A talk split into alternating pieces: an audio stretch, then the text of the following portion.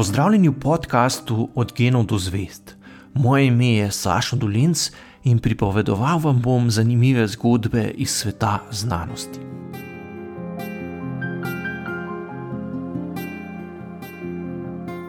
Spomladi leta 1941 so na vrata Brunarice v Tirolskih Alpah severno od Bolcana, kjer je s svojim sinom Marjom živela mlada bojemska pesnica Lucy Ramburg, potrkali vojaki.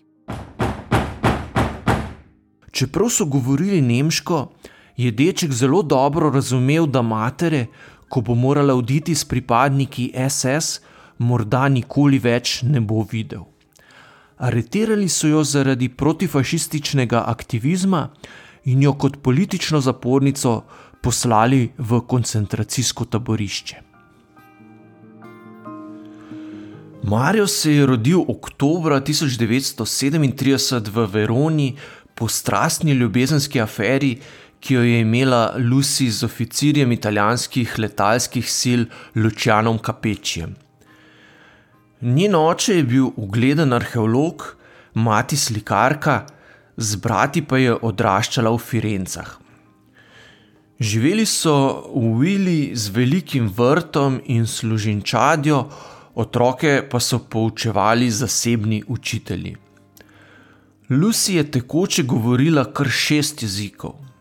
Njena brata sta postala fizika, njo pa je po materi bolj zanimala umetnost. Pred sponom fašizma in nacizma se je šolala na pariški Sorboni in tam nekaj let tudi poučevala jezike in literaturo. Po aferi z italijanskim časnikom, s katerim je zanosila, je žal hitro spoznala, da v zakonu z Lučanom ne bo srečna, zato je zavrnila njegovo ponudbo za poroko in se s sinom raje odselila na Tirolsko. Po nekaj letih odmaknjenega življenja so jo prav tu odkrili vojaki. Ker je Lucy že predtem slutila, da jo bodo prej ali slej aretirali, je prodala vse svoje premoženje in denar izročila kmečki družini s prošnjo, naj kolikor le more skrbi za njenega sina. Po materini aretaciji je takrat komaj tri in pol letni otrok ostal sam pri znancih na bližnji kmetiji. Mali Marijo je tako naslednje leto preživel pri kmečki družini kot eden izmed domačih otrok. Kot se spominja, je bilo življenje na kmetiji zelo preprosto. Večino časa so delali na polju in skrbeli za preživetje. Iz lasne pšenice so pekli kruh in iz grozdja pridelovali vino. To so bili časi druge svetovne vojne, ko so se zavezniki že izkrcali v južni Italiji in se prebijali proti severu. Ameriška in britanska letala so neustano preletavala tudi kmetijo in nekoč iz neznanega razloga začela streljati po kmetih, ki so delali na polju. Pri tem je bil tudi Marijo ranjen v nogo, a k sreči je šlo zgolj za manjšo rano, ki je za seboj pustila le brazgotino. Marijo po zgolj letu dni življenja pri družini iz neznanih razlogov na kmetiji naenkrat ni bil več dobrodošel. Ni povsem znano, ali ga je izsledil in odpeljal oče, ali je preprosto zmanjkalo denarja, ki ga je zanj pustila mati in so ga zato postavili na cesto. Naslednja leta se je tako sprva star manj kot pet let potikal po severni Italiji, se družil z drugimi potepuškimi otroki, bil član pocestnih tolp ter bil večkrat v najrazličnejših sirotišnicah. Kot se je kasneje spominjal, je vmes nekaj tednov preživel tudi pri očetu, a je bil ta tako nasilen, da je raje pobegnil in se poskušal preživljati sam, kot pa da bi trpel nasilnega očeta, ki je kasneje umrl med bombnim napadom. Kljub krutim časom in vse splošnemu pomankanju se je Marijo nekako prebil skozi drugo svetovno vojno. Kot se spominja, je bil neustano lačen in priča mnogim grozljivim dogodkom, zaradi katerih ga je kasneje še dolga leta tlačila mora. Pri osmih je za celo leto obležal v neki bolnišnici, saj je, kot je rekonstruiral iz simptomov, zelo verjetno zbolel za tifusom. Kot se spominja, so bile razmere v tej otroški bolnišnici komaj kaj boljše kot na cesti. Mladi bolniki so ležali na posteljah brez posteljnine in dobili vsak dan le malo cikorje in kos starega kruha. Vsi otroci so imeli približno enake simptome. Zjutraj so se zbudili v dokaj dobrem stanju, sestra Marija jim je izmerila temperaturo in jim obljubila, da lahko odidejo, če bodo vsaj en dan brez vročine. A že čez dan jim je temperatura tako zrasla, da se jim je začelo blesti. Perspektive za ozdravitev pa so bile vsaj v tej bolnišnici, ki je bila bolj nekakšno zavetišče kot zdravilišče, zelo slabe. Amariju je tudi tu nekako uspelo preživeti, in prav na njegov deveti rojstni dan se je na pragu bolnišnice pojavila neznana ženska, ki je spraševala po njem. Bila je njegova mati Lucy, ki se je v petih letih prebitih v koncentracijskem taborišču tako spremenila, da je ni več prepoznal. Od osvoboditve spomladi leta 1945 je sina neustano iskala in ga našla šele po 18 mesecih. Kot se je živo spominjal, mu je mati takrat prinesla nova oblačila in skupaj sta odpotovala v Rim, kjer sta morala urediti pravne formalnosti glede dokumentov.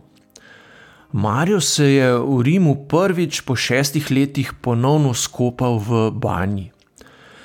Na to sta odšla naprej v Neapelj, odkuder sta z ladjo odpotovala k maminemu mlajšemu bratu v Ameriko, ki jima je tudi poslal denar za ladijsko vozovnico.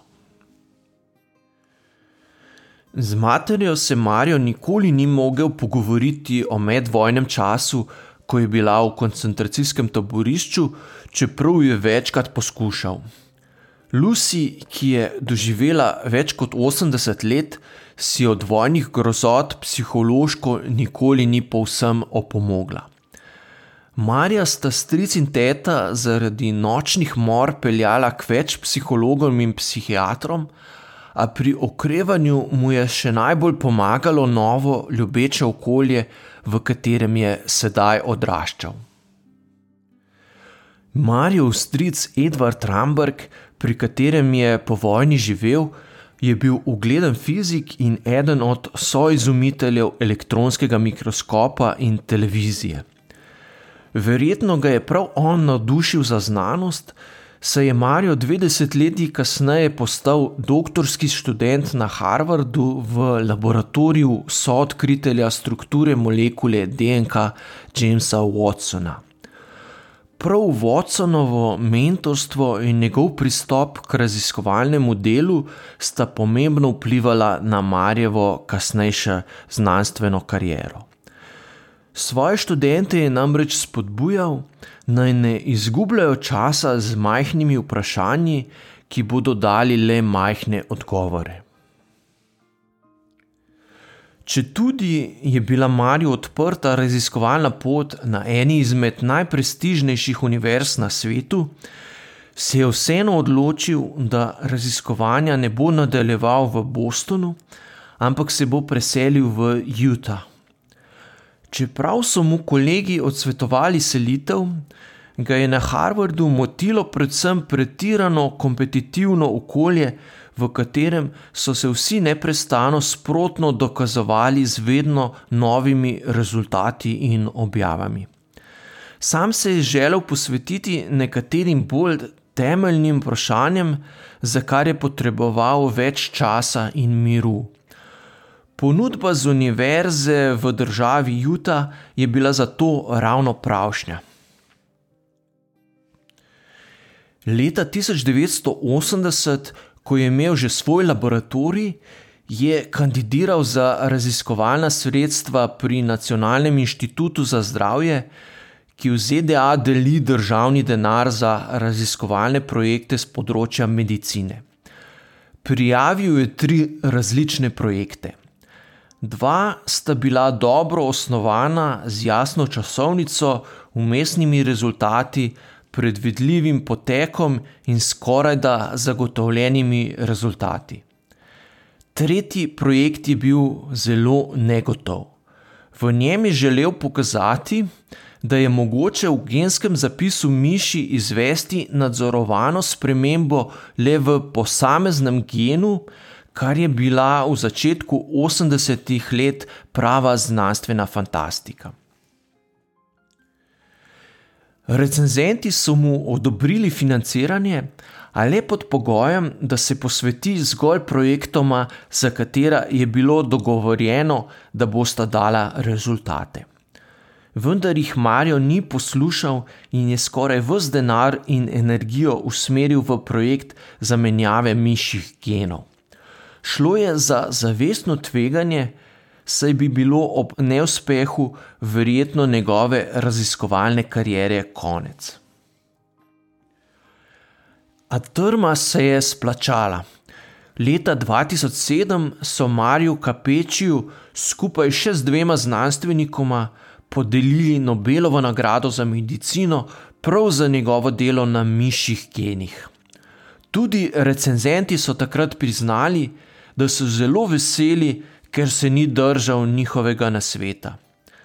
Danes je po laboratorijih na milijone takšnih gensko spremenjenih miši oziroma miši z izbitimi geni, s katerimi so prišli že do zelo veliko novih spoznanj o delovanju genov in odkrili nove metode zdravljenja številnih hudih bolezni. Kmalo potem, ko je izvedel, da je dobil Nobelovo nagrado, je Marja doletelo še eno nenavadno presenečenje. Iz celovca je prišla vest, da ima najverjetneje leto in pol mlajšo polsestro, za katero dotedaj sploh ni vedel. Ko so naznanili Nobelovo nagrado, so njegovo nenavadno življenjsko zgodbo povzeli časopisi po vsem svetu. V celovcu jo je prebrala tudi Marlene Bonelli in ugotovila, da se Marjova zgodba povsem ujema z njeno, prav tako pa sta si bila tudi na videz zelo podobna.